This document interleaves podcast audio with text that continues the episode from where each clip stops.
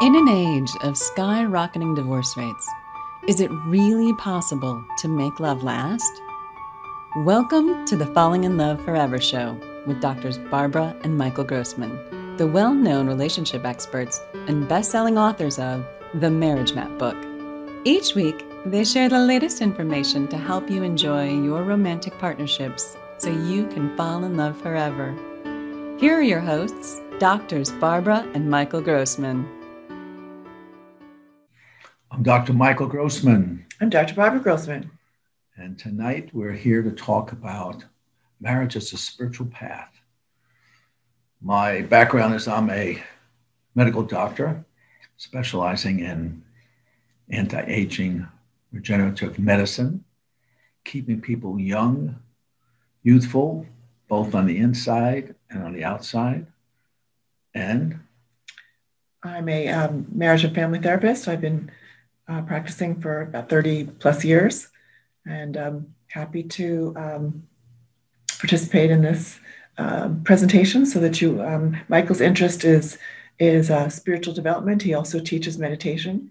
And there's a way in which um, we see the progress of a relationship, the growth of a relationship over time, um, can be a genuine, deep, and abiding spiritual path.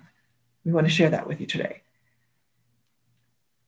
So, in the history of Western civilization, we've had two modes or paths for spiritual development. One path is the way of a monk, priest, nun, where you just live a life of individual experience and you have a, a life of being in a monastery. You work with uh, your, your, your teachers and spiritual guidance uh, with your spiritual directors, spiritual director. And that's one path. Now, that's not the common path. Nowadays, we have the path of married life, which also is a spiritual path. Married life is not particularly involved or involved with getting everything done in a practical way and, and, and just surviving together better than you could survive alone. That's not the spiritual path of marriage. Marriage has evolved. In the Middle Ages, you had marriage moving out of the realm of just being one of just survival, that you get married to survive, that the woman needs the man to uh, provide the, the food and lodging, and the man needs the woman to take care of the, the, the practical things around the house that need to be done.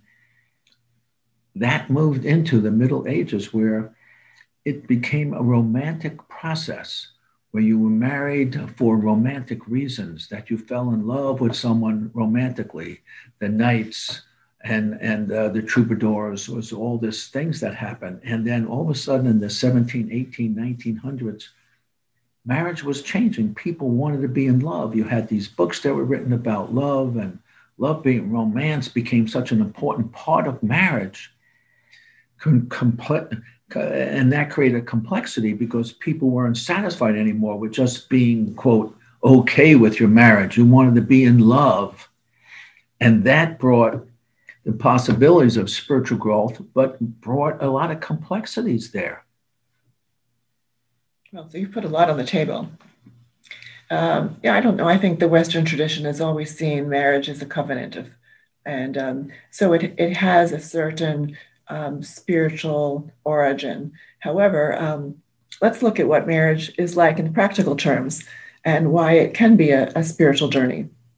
First of all, uh, no one knows you and as well as your partner does. You live together and you come up against each other's similarities and differences. Just today, we were talking about uh, some plans that Michael wants to make, and he's all excited about them. And he's got the um, he's, he's, he's got the, the possibilities for travel already arranged.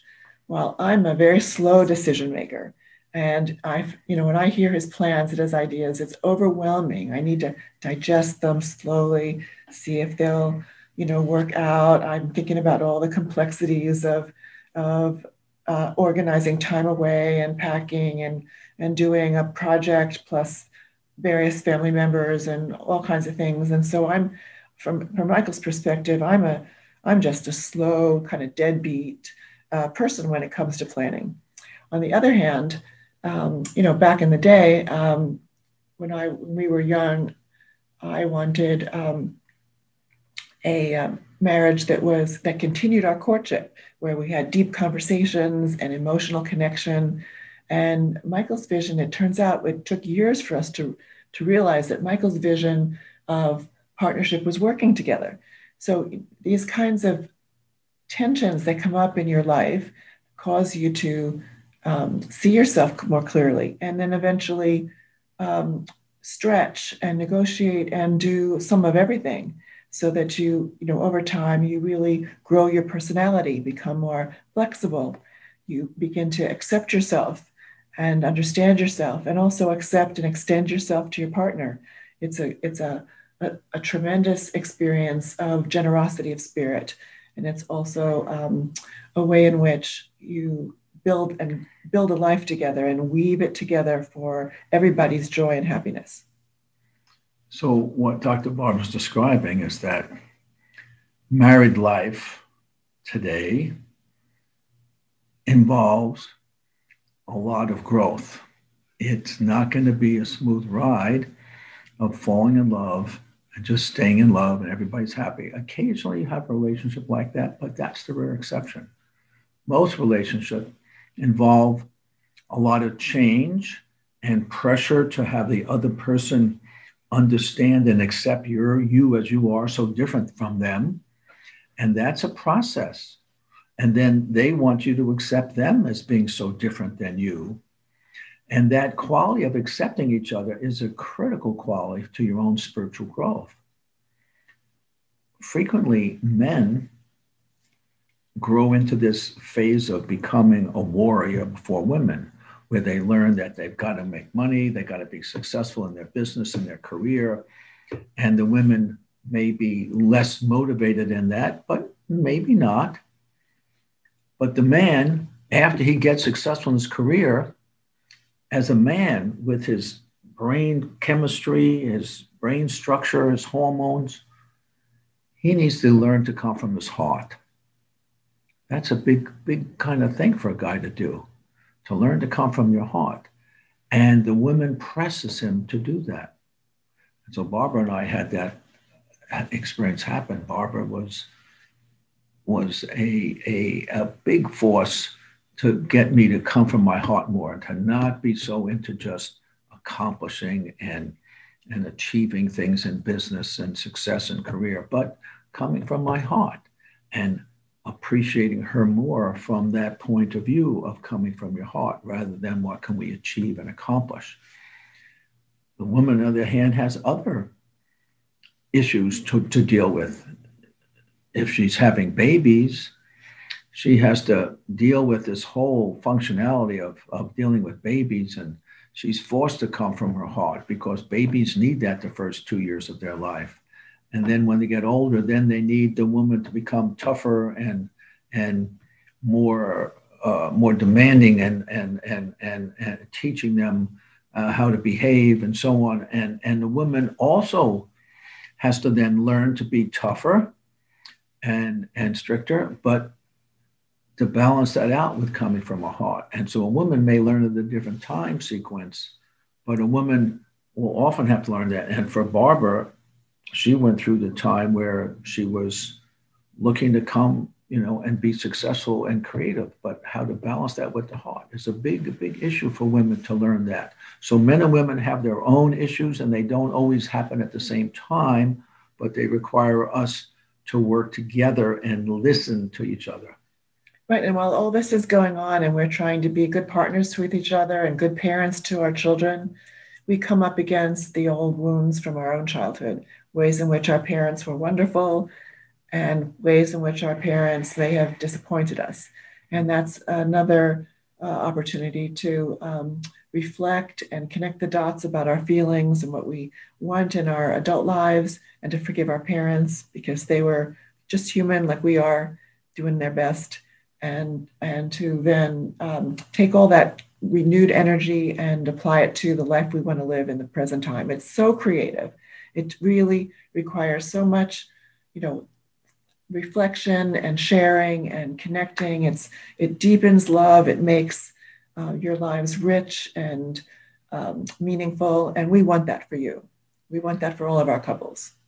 And don't expect it to be the smooth ride because these are changes that happen to you individually, to your partner individually. And then you make all kinds of requests of each other to understand how different you are in different ways and to appreciate those differences and not to make anyone wrong. And then to go through a process where you're growing to be able to accept your partner in different ways and at the same time making requests.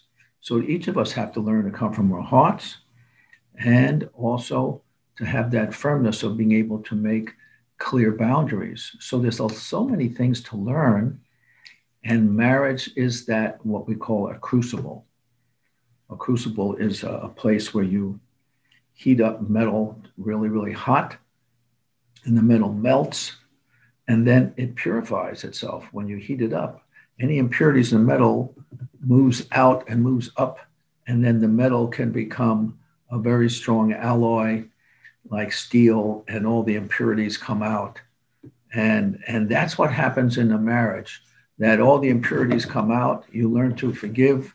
You learn to um, go through this cleansing process where you forgive your parents for what they've done. You forgive other people for what they've done. And then you can be open more to really loving and yet creating boundaries. So there's lots of things you're doing at the same time. Marriage is a spiritual path. And what you require is the skills to get you through that process. And you don't learn the skills automatically. You have to you have to be taught these skills. And so my wife and I, we love teaching these skills to couples. We learn how to listen to each other, how to make requests for each other, how to understand each other's history so that you can actually grow through this process in a way that really brings fulfillment, spiritual fulfillment to each of you. Yeah, so um, I appreciate you being here with us. Um, um, I hope you see the possibilities for your lives together. Um, there are times that are really tough, but um, learning how to talk uh, and share effectively can make a huge difference and understanding what you need and want and how um, how love uh, shows up for you what's important to you these are the these are some of the pieces that will will create joy and satisfaction in your in your lives together. Well thanks for being here with us. It's a pleasure. We look forward to speaking to you again real soon. Wishing you love thanks. Thank you for watching the falling in love forever show with doctors barbara and michael grossman. Join us next week for another informative discussion to help you keep your love alive. Be sure to visit us at themarriagemap.com or find out about our relationship classes at fallinginloveforever.com.